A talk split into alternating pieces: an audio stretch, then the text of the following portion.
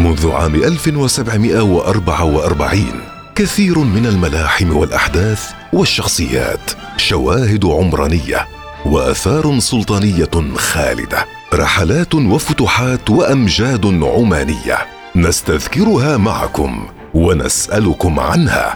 في المسابقة اليومية الدولة البوسعيدية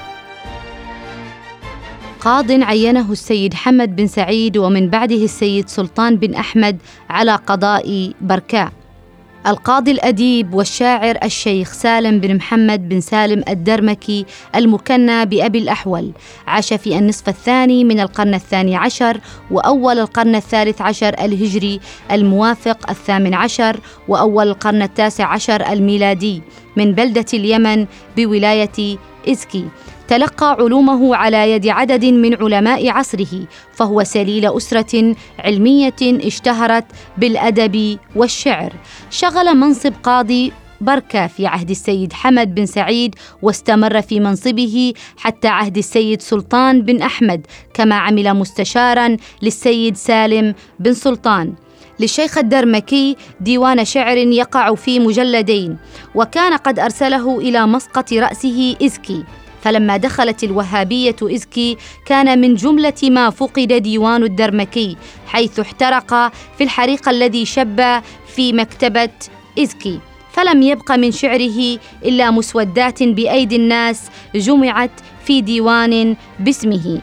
وله أيضا قصائد متنوعة ضمن كتاب الفتح المبين في سيرة السادة البوسعيديين وضمن الصحيفة القحطانية لابن رزيق وكذلك في كتاب شقائق النعمان على صموت الجمان في أسماء شعراء عمان وكتاب اللؤلؤ والمرجان والطالع السعيد والزمرد الفائق وغيرها. لم يقتصر شعر الدرمكي على الأغراض الأدبية من مديح ورثاء بل له كذلك أراجيز في علم الشريعة. وفي ديوان الدرمكي توجد الكثير من القصائد التي كتبها في أئمة وقادة الدولة البوسعيدية ومن جملتها قصيدة يؤرخ فيها معركة من معارك الإمام أحمد بن سعيد البوسعيدي مؤسس الدولة البوسعيدية.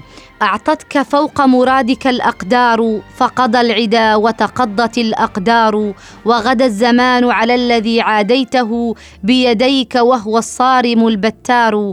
يا مالكا تعنو الملوك لبأسه ويفر عنه الضيغم الزآر وكما أسلفنا فالقاضي الشاعر سالم بن محمد الدرمكي كان من رجالات الدولة البوسعيدية في عهد حكامها السيد حمد بن سعيد والسيد سلطان بن أحمد والسيد سعيد بن سلطان.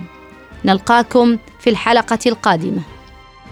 المسابقة اليومية الدولة البوسعيدية. مسابقة الدولة البوسعيدية مع الدكتورة أحلام الجهورية.